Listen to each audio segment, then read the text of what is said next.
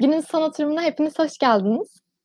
Ee, bugün Amazon'dan gelen tedarik zinciri planlama yöneticisi Doğa Çabuk, tedarik zinciri otomasyonu konusuyla bizlerle olacak.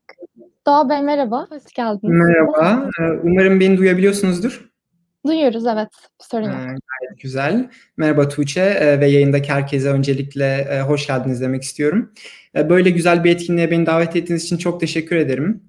Bugün konuşmamda hem kariyer yolculuğundan bahsedip hem Amazon'daki şu andaki rolümden, çalıştığım yerden ve şirketin kültüründen bahsedeceğim. Ve Amazon otomasyon konusu ve genel tedarik zinciri trendleriyle ilgili bilgi vermeye çalışacağım sizlere. E, isterseniz e, kendimi e, biraz tanıtayım. Öncelikle Anadolu Üniversitesi, Eskişehir Anadolu Üniversitesi İngilizce İşletme mezunuyum. E, daha sonra e, Çek Cumhuriyeti'nde Erasmus programı e, gerçekleştirdim ve e, İngiltere, Leeds e, şehrinde de e, işletme, İngilizce işletme üzerine yine çift diploma programı yaptım.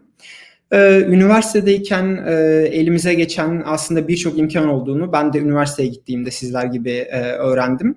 Ee, öncelikle bunlardan biraz bahsetmek istiyorum. Ee, ben aslında Avrupa Birliği projelerinde e, birçok projede e, yer almaya çalıştım.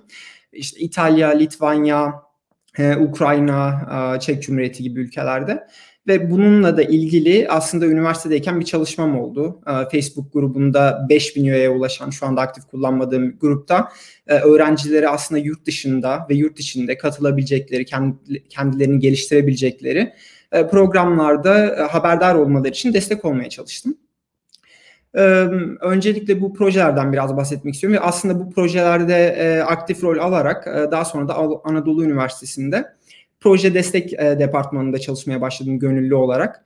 Burada hem gençlerimizin bu projelerin farkında olması hem onların CV'lerine ve motivasyon mektuplarını nasıl yazması gerektiğiyle ilgili yardımcı olmaya çalıştım.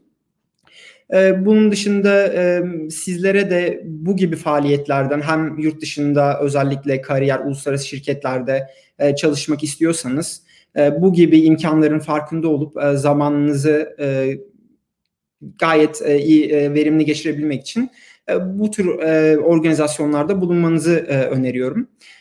Bunlar dışında e, bu arada e, küçük bir disclaimer yapayım. E, uzun yıllar yurt dışında yaşadığım ve İngilizce çalıştığım, İngilizce okuduğum için bazı sözcüklerde plaza dili dediğimiz dili kullanmak zorunda kalabilirim. Bu konuda şimdiden üzgünüm.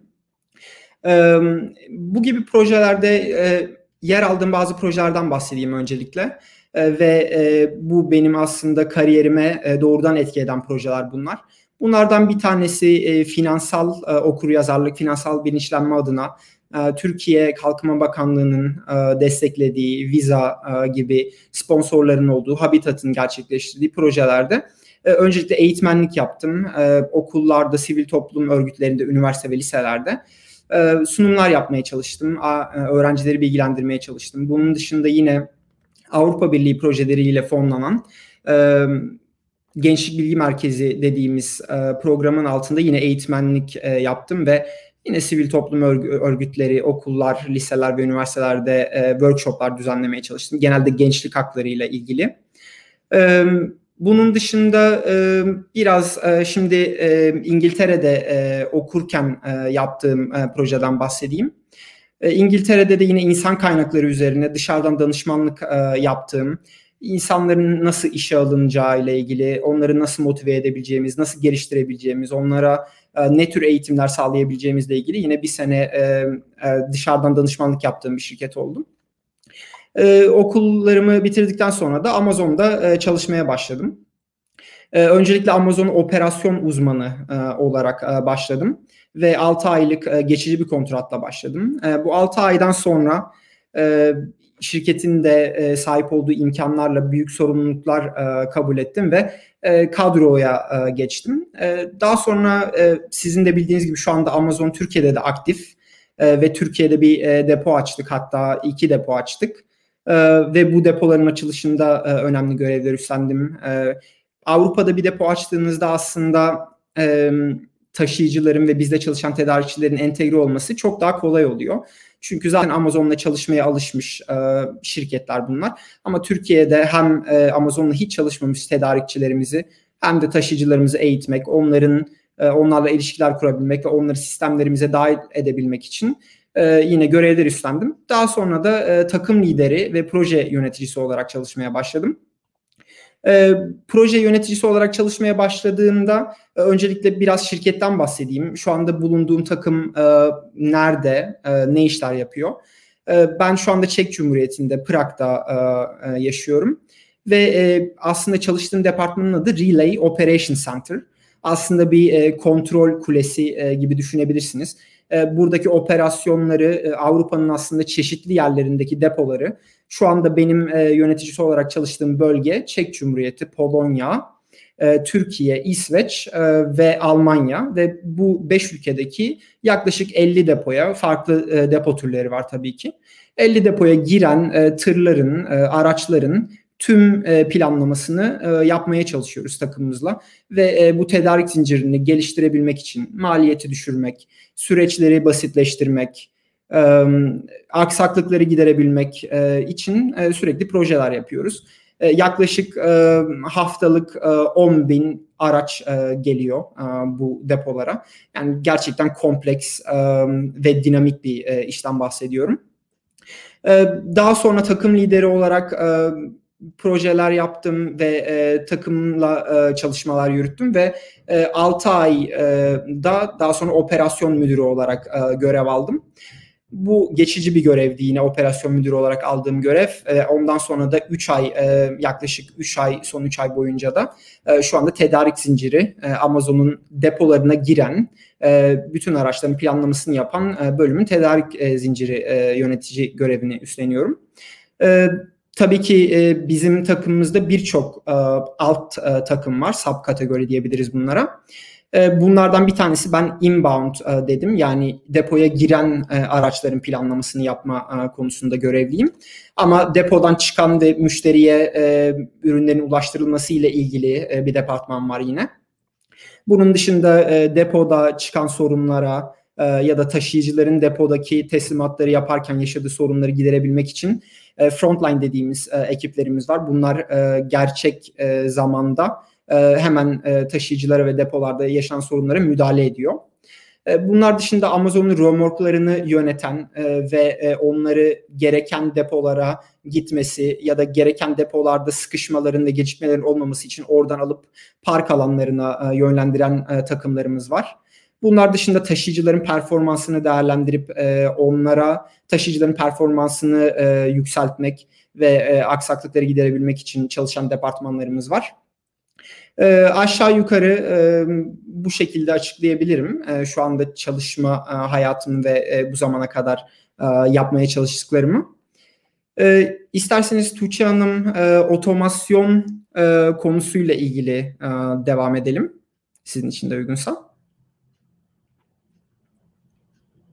Tabii. E, ben size şöyle bir soru sormak istiyorum aslında. Hı.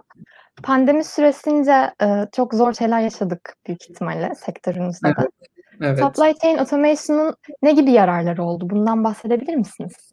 Ya da yaşadığınız zorluklardan bahseder misiniz? Hı hı, tabii ki de. Öncelikle evet hepimiz için çok zor zamanlar oldu. Ben yaklaşık bir senedir evden çalışıyorum ve aslında online yani doğası online olan bir iş olduğu için benim kişisel olarak işim çok etkilenmedi. Sadece e, biraz işte iş hayatım ve özel hayatım birbirine e, karıştı. E, işe giderken sosyal ortamlarda bulunup e, iş arkadaşlarımızla öğle yemeğine çıktığımız zamanlar e, aslında evde olduğumuzda biraz öğle yemeklerini atlamamız e, ya da akşam ne saatte bitirip eve gideceğimizi bilmediğimiz için uzun e, zamanlar e, çalışmamız e, ile e, sonuçlandı.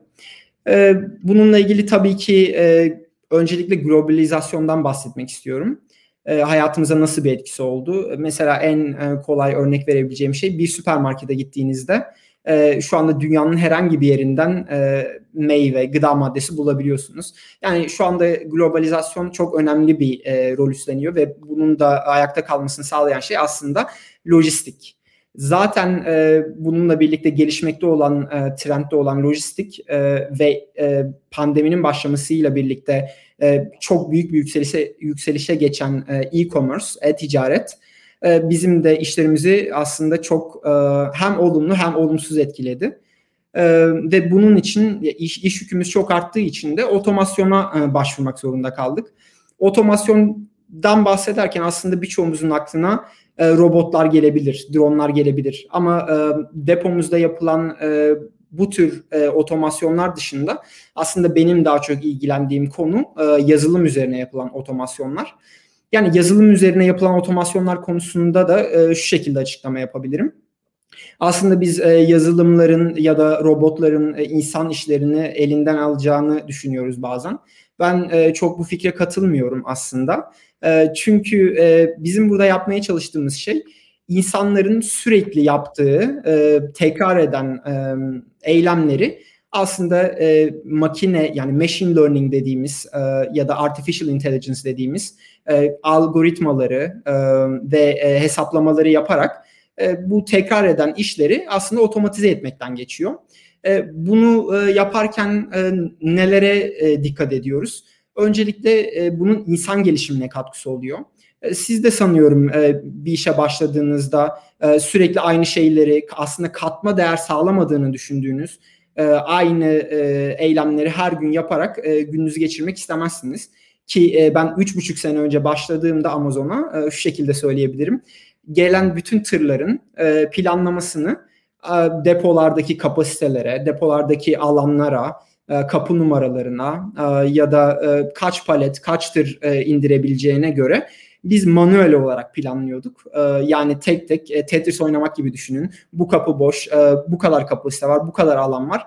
Ve e, söylediğim gibi 10 bin yaklaşık haftalık 10 bin e, aracın planlamasını manuel artık yapmanın mümkün olmadığını e, siz de tahmin edebilirsiniz.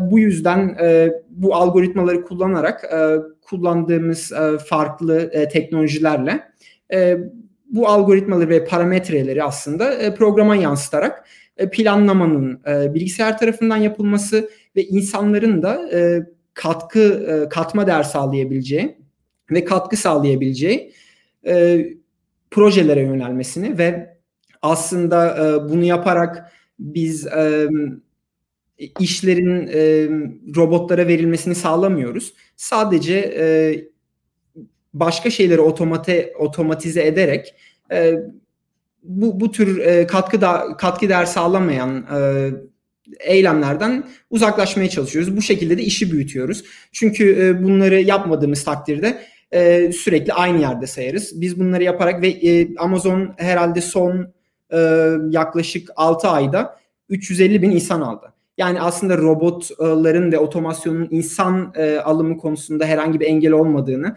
sadece biz e, daha önemli, daha kritik, daha yaratıcı çözümler üretmek adına insanları e, insanlardan faydalanabileceğimiz konular konularda onlara görev vermek istiyoruz ve diğerlerini otomatize etmek istiyoruz. Bunun dışında tabii ki tedarik zincirinin en büyük görevi aslında süreçleri geliştirmek. Geliştirmekten kastım maliyetleri düşürmek, süreçleri hızlandırmak, süreçleri basitleştirmek e, ki herkes e, bir sürecin nasıl işlediğini bilsin ve e, belli standartlarda yine işleri yönetebilsin. E, bunun dışında e, bunu yaparken nelere bakıyoruz? Raporlara. E, bildiğiniz gibi Amazon aslında e, çok büyük e, verileri analiz ediyor.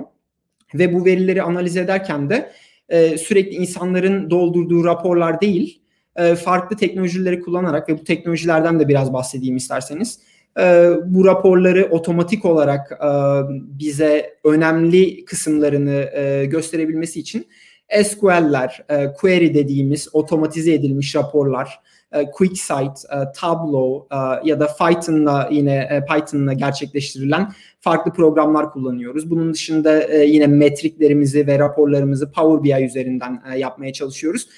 Ve e, Amazon gibi büyük bir şirkette e, aslında o kadar çok data var ki e, bu data bu dataların hepsini analiz etmemiz e, mümkün değil ve bu dataları da e, daha doğru okuyabilmek için bu şekilde yine otomasyonlara e, ihtiyaç duyuyoruz.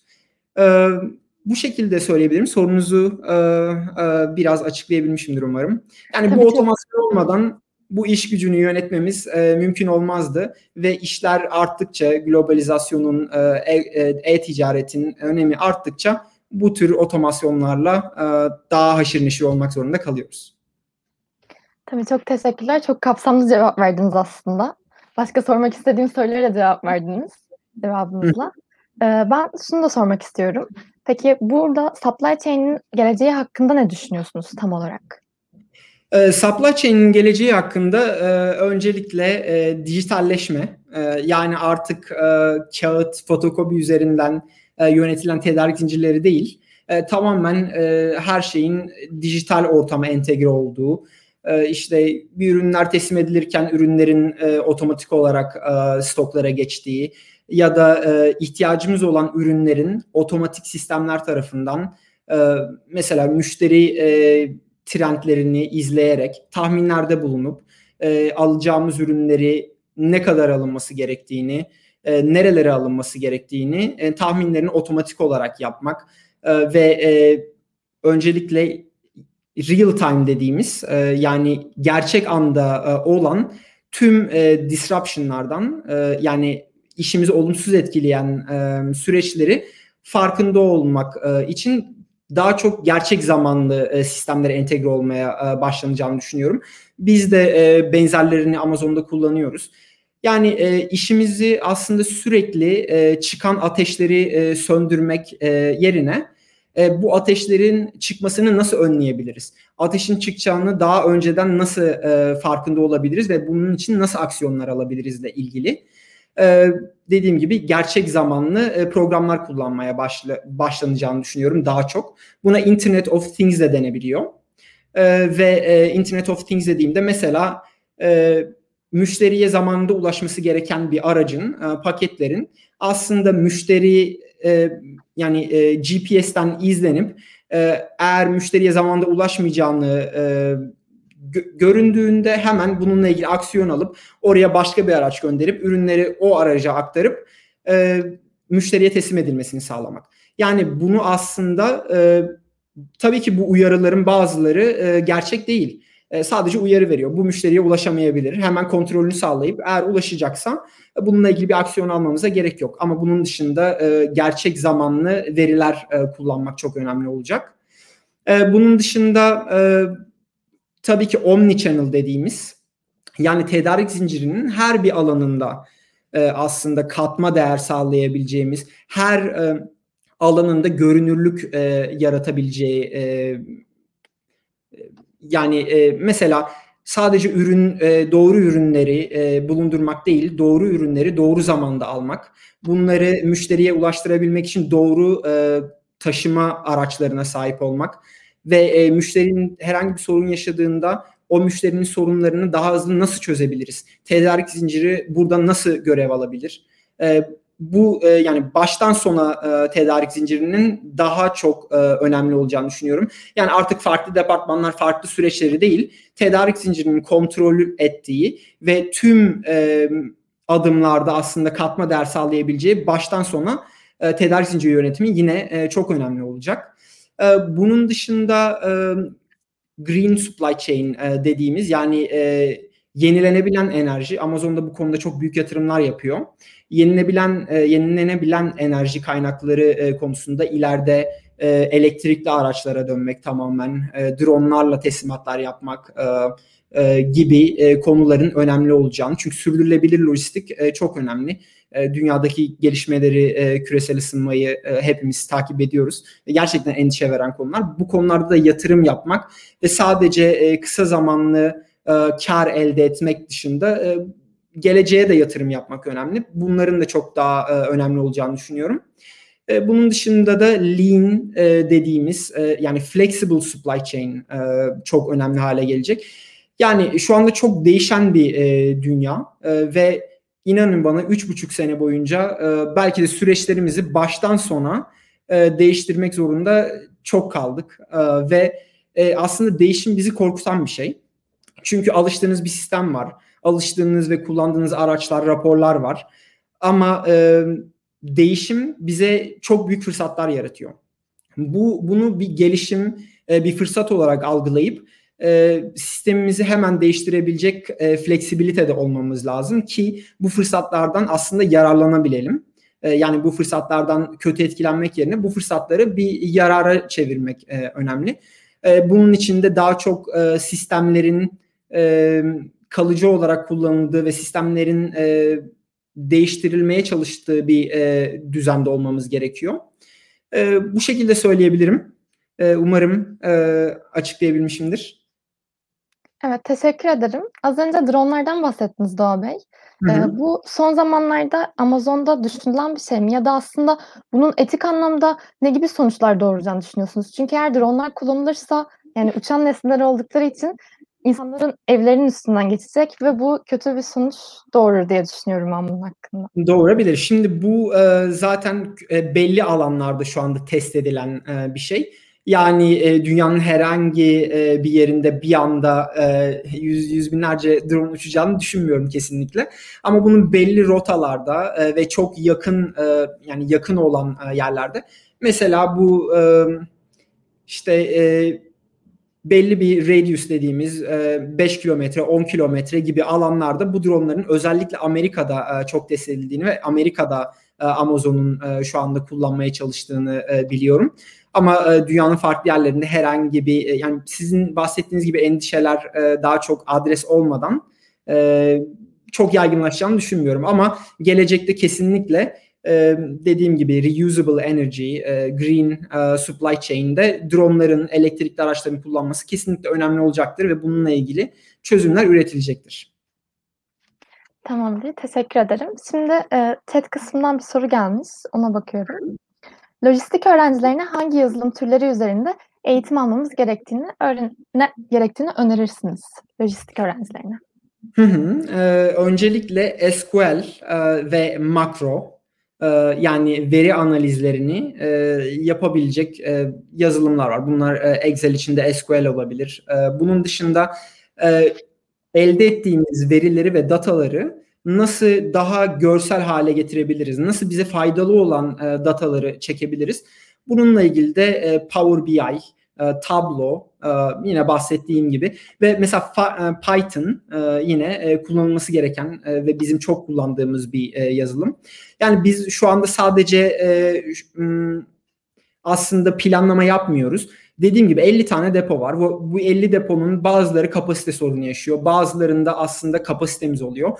Bu depolar arasında da transferlerin gerçekleşebilmesi için yine bir otomatik sistem geliştirdik ve e, aslında bu tırları e, manuel eforlarla e, tek tek e, e, yani e, transfer etmek yerine mesela Python e, kullandık son zamanlarda. O yüzden çok önemli olduğunu biliyorum. Python'la yeni çözümler geliştirdik. O yüzden bunları öneririm. Bunun tamam. dışında e, şu konuda bir öneri yapabilirim. E, lojistik ve tedarik zinciri alanında kendinizi geliştirmek istiyorsanız e, size önerebileceğim sertifika programları ve e, sertifika olmasa da kitap alarak kendiniz üzerine e, öğreneceğiniz konular aslında project management. Yani e, biz tedarik zincirinde e, katkı değer sağlamayan adımları nasıl atabiliriz? Nasıl basitleştirebiliriz? Maliyeti nasıl düşürebiliriz? Nasıl hızlandırabiliriz? E, gibi konularda size destek olacağını düşündüğüm Scrum, e, Kanban, e, işte PMP e, gibi konularda yine Lean Six Sigma dediğim konularda yine araştırmalar yapabilirsiniz. Tamamdır. Anladıklarını düşünüyorum. Teşekkürler. Ee, ben size bir şey sormak istiyorum. Siz peki bu bunun ne zaman farkına vardınız? Yani bu yetkinlikleri kendinize kazandırmak için mezun olduktan sonra mı ya da okuduğunuz süreçte mi bunları düşündünüz? Bundan bahseder misiniz?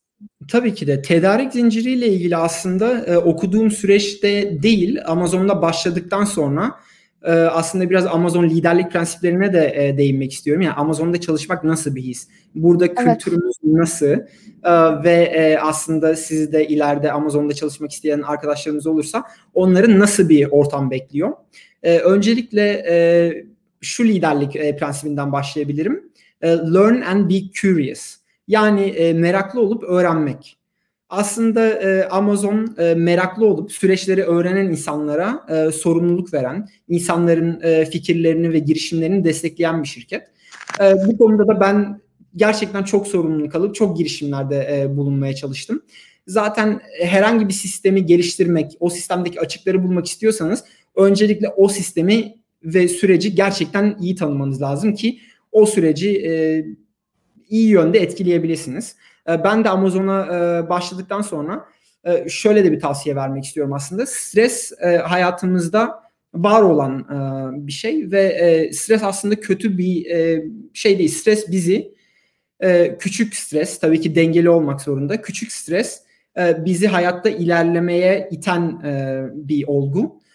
O yüzden ben bu şekilde başladıktan sonra e, ben bunu bilmiyorum, e, kendimi e, rahat hissetmiyorum, belki öğrenemeyebilirim diyerek e, sorumluluklardan kaçmayıp bunların üzerine gittim ve sanki A'dan Z'ye biliyormuş gibi evet ben bunu biliyorum, ben bunu yaparım dedim ve strese girip bunu öğrenmek zorunda kaldım. Aslında biraz bunu öneririm. Hem üniversite çağınızda dediğim gibi Scrum, Lean Six Sigma gibi süreçleri öğrenip işe başladıktan sonra da sorumluluk alan, öğrenen e, ve girişimlerde bulunan insanlar olmanızı ve sizi bunların geliştireceğini düşünüyorum. Amazon liderlik prensiplerine devam etmek isterim aslında ama e, bu soruyu yanıtladıysam başka sorunuz varsa onları da alabilirim. Aslında isterseniz devam edebilirsiniz çünkü Amazon'un vizyonlarında neler olduğunu sormuşlar. Evet. Ona geçiş yaparsınız Hı-hı. isterseniz. Tamamdır. Ben aslında şu anda bizim takıma, bizim departmana alınan insanların mülakatlarına da giriyorum. Ve ileride Amazon mülakatlarına çalışmak isterseniz çalışmanız gereken en önemli konu Amazon kültürünü çok iyi tanımak. Ve aslında sorular da Amazon'un liderlik prensipleri üzerinden geliyor. Bu Amazon'un liderlik prensipleri nelerdir? Learn and be curious'tan bahsettim. Meraklı olup öğrenmek. Bunun dışında biz müşteri odaklı bir şirketiz. O yüzden önce e, müşteriye nasıl yardım edebiliriz? Müşterinin sadece e, Amazon'dan ürün satın alan insanlar değil, birlikte çalıştığımız taşıyıcılarımız, tedarikçilerimiz, e, birlikte çalıştığımız departmanlar, depolarımız da olabilir. Öncelikle hangi departmanda çalışıyorsanız müşteri odaklı çözümler e, üretmek kesinlikle önemli. Bunların detaylarına bakabilirsiniz ve online olarak Amazon liderlik prensipleri ve bununla ilgili materyaller de e, var. E, bunun dışında e, ownership dediğimiz e, aslında görevimizi A'dan Z'ye üstlenmek. Yani e, ben görevimi yaptım e, ve bununla ilgili endişelerim var ama bu benim görevim değil. E, mentalitesinden uzak bir e, şirket. Yani e, o e, ürünün tasarlanıp o ürünün hayata geçtiğinde ne gibi e, sorunlar yaratabileceğini ya da süreçlerin ne gibi etkileri olabileceğini farkında olup e, bu e, yani bu şekildeki endişelerinizle de e, başka takımlarla görüşüp bunlar üzerinde çalışmalar yapmanız. E, yani ownership yine çok önemli bir şey. E, e, bunun dışında e, insan gelişimi e, dediğim gibi e, insanların gelişimine açık bir ortam sağlamak. E, yani insanların e, güçlü yanlarını ve e, geliştirebilecekleri yanlarının farkında olup bunlarla ilgili çalışmalar yapmak aslında. Ve siz de e, ileride yönetici, takım lideri pozisyonuna geldiğinizde e, dediğim gibi insanlar bizim için çok önemli. Otomatizasyon, e, robotlar e, ne kadar süreçleri geliştirse de e, asıl önemli olan, asıl sorun çözen kısım insanlar ve insanların gelişimi yine çok önemli. Bu konularda yine araştırma yapabilirsiniz. Bunun dışında think big yani büyük düşünme. Amazon'da hayal diye bir şey yok. Biz bizim için her şey mümkün.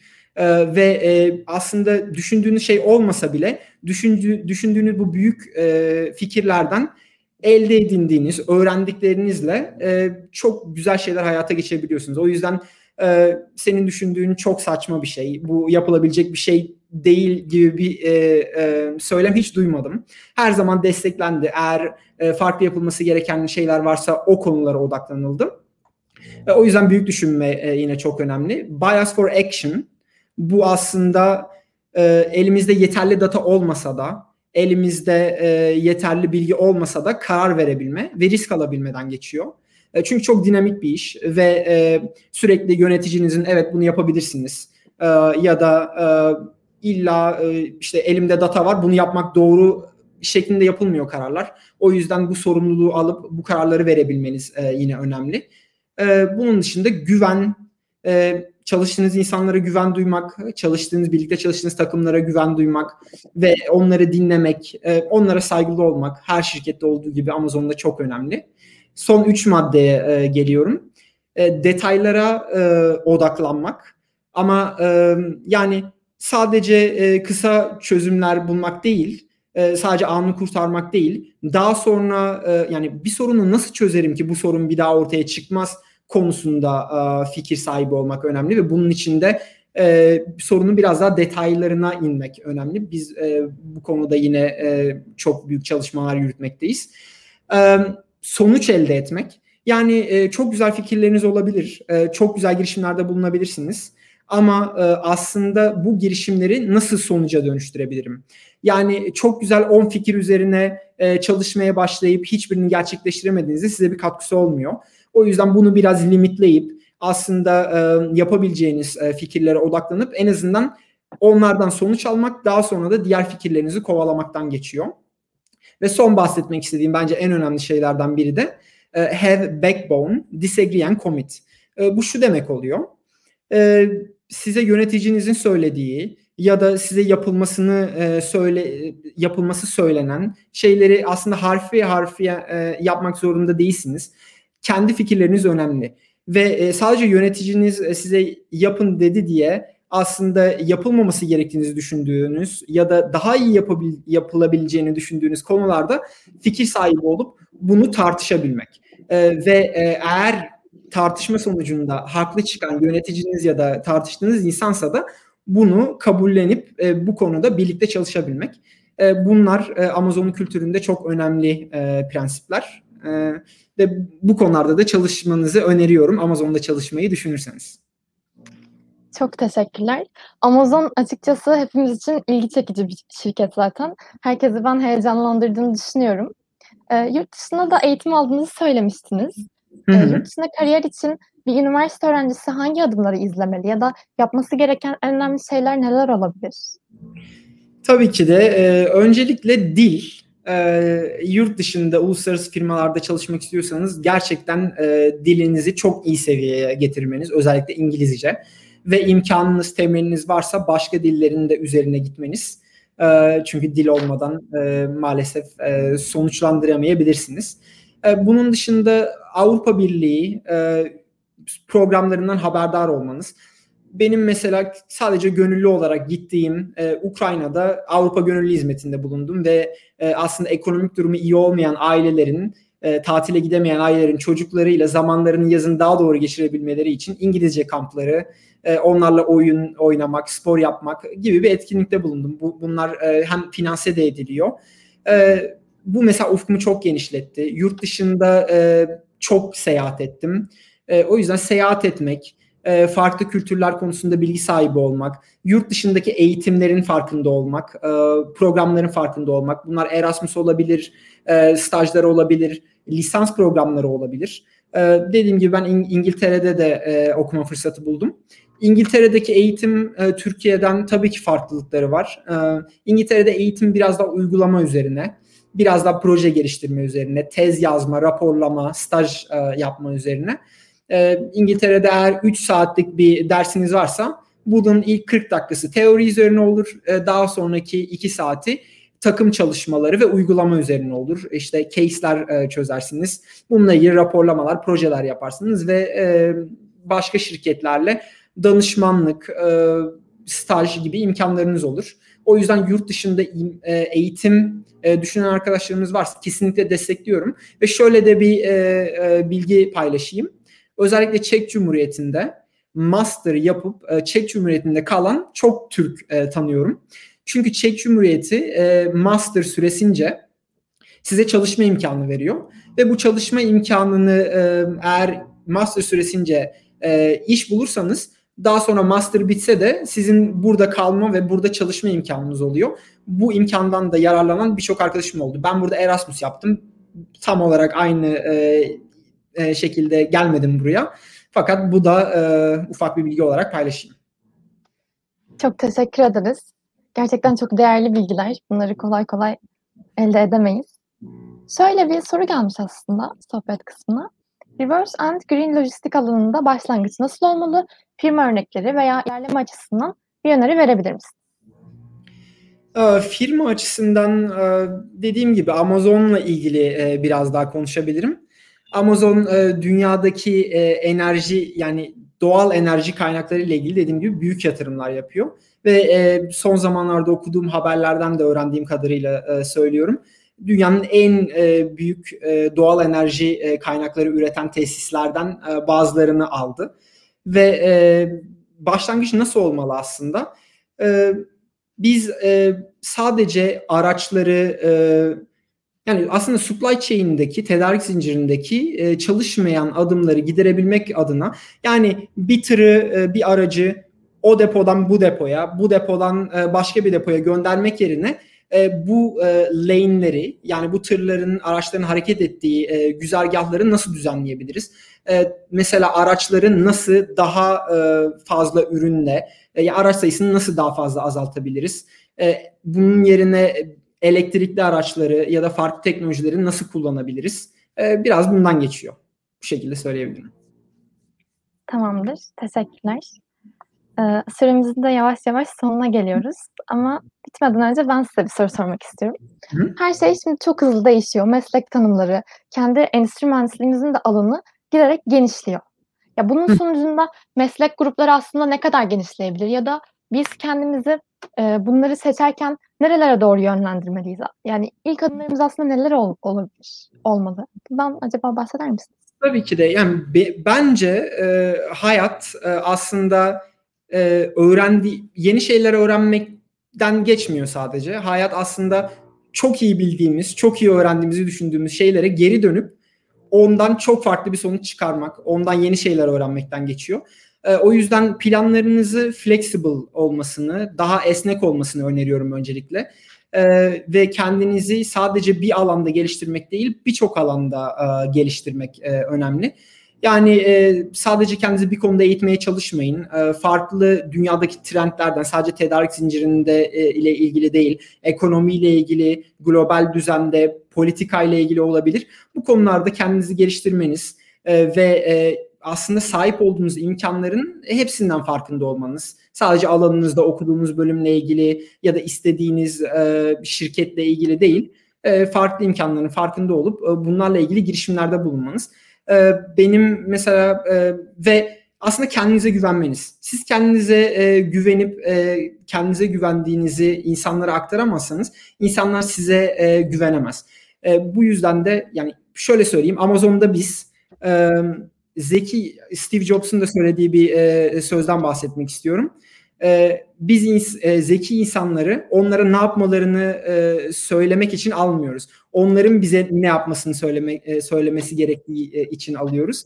Sizin de e, fikirlerinizin öncelikle arkasında durmak. E, eğer sonuç elde edeme, elde edemeseniz de bu fikirlerle ilgili çalışmalar yapmak. Benim mesela hiç hayata faaliyete geçmeyen iki tane projem oldu. E, bunlardan bir tanesi en sosyal Eskişehir yani sivil toplum örgütleri, e, öğrenci kulüplerini bir araya getirerek topluma fay, daha faydalı olmak, yarış içinde olmadığımızı kanıtlamak adına yaptığım bir e, yapmaya çalıştığım bir projeydi. E, bunun bunun sayesinde aslında Anadolu Üniversitesi proje destek departmanına girdim. Bu hayata geçmedi ama çok beğenildi ve yani o yüzden düşüncelerinizin peşinden gidin, kendinize güvenin e, ve sadece sonuç odaklı olmayın e, ve girişimlerinizden e, öğrendiklerinizi bir araya getirerek üstüne koyarak e, farklı girişimlerde bulunmaya devam edin. Peki teşekkürler. Ama bu durumda sizi motive eden şey ne oldu aslında? Özgüvenden bahsediyoruz ama sonuçta bir dayanak noktanız olmalı diye düşünüyorum. Genel olarak bunları yaparken motive eden sizin hani devam etmenizi sağlayan şeyler neler oldu? Ee, mesela bu şirkete e, başladığımda ya da herhangi çalıştığım diğer projelerde, çalıştığım diğer şirketlerde benim için önemli olan kişisel gelişim oldu. Ee, yani e, bir işte 8 saat e, harcama, günde 8 saat harcamak yerine o 8 saati nasıl daha verimli geçirebilirim? Nasıl katma değer sağlayabilirim?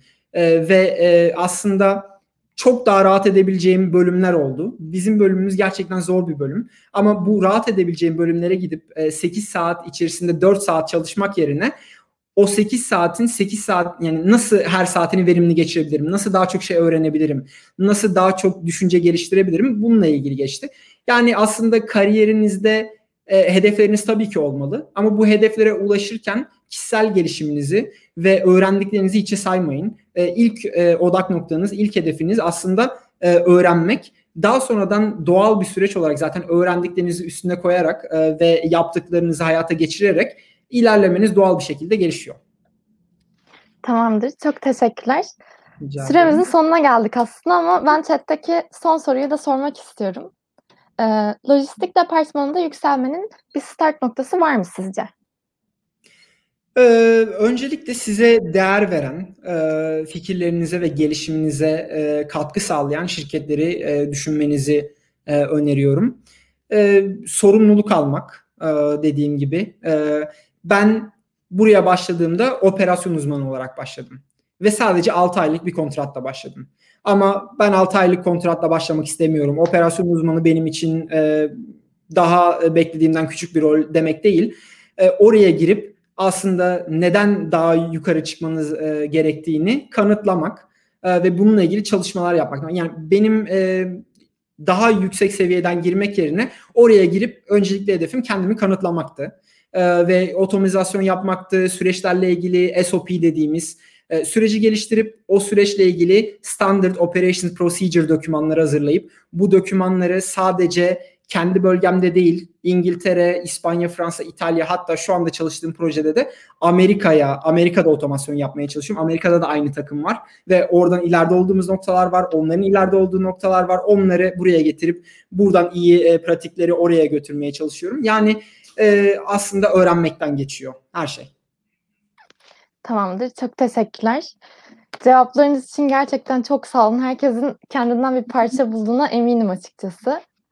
Rica Eee, süremizin sonuna geldik.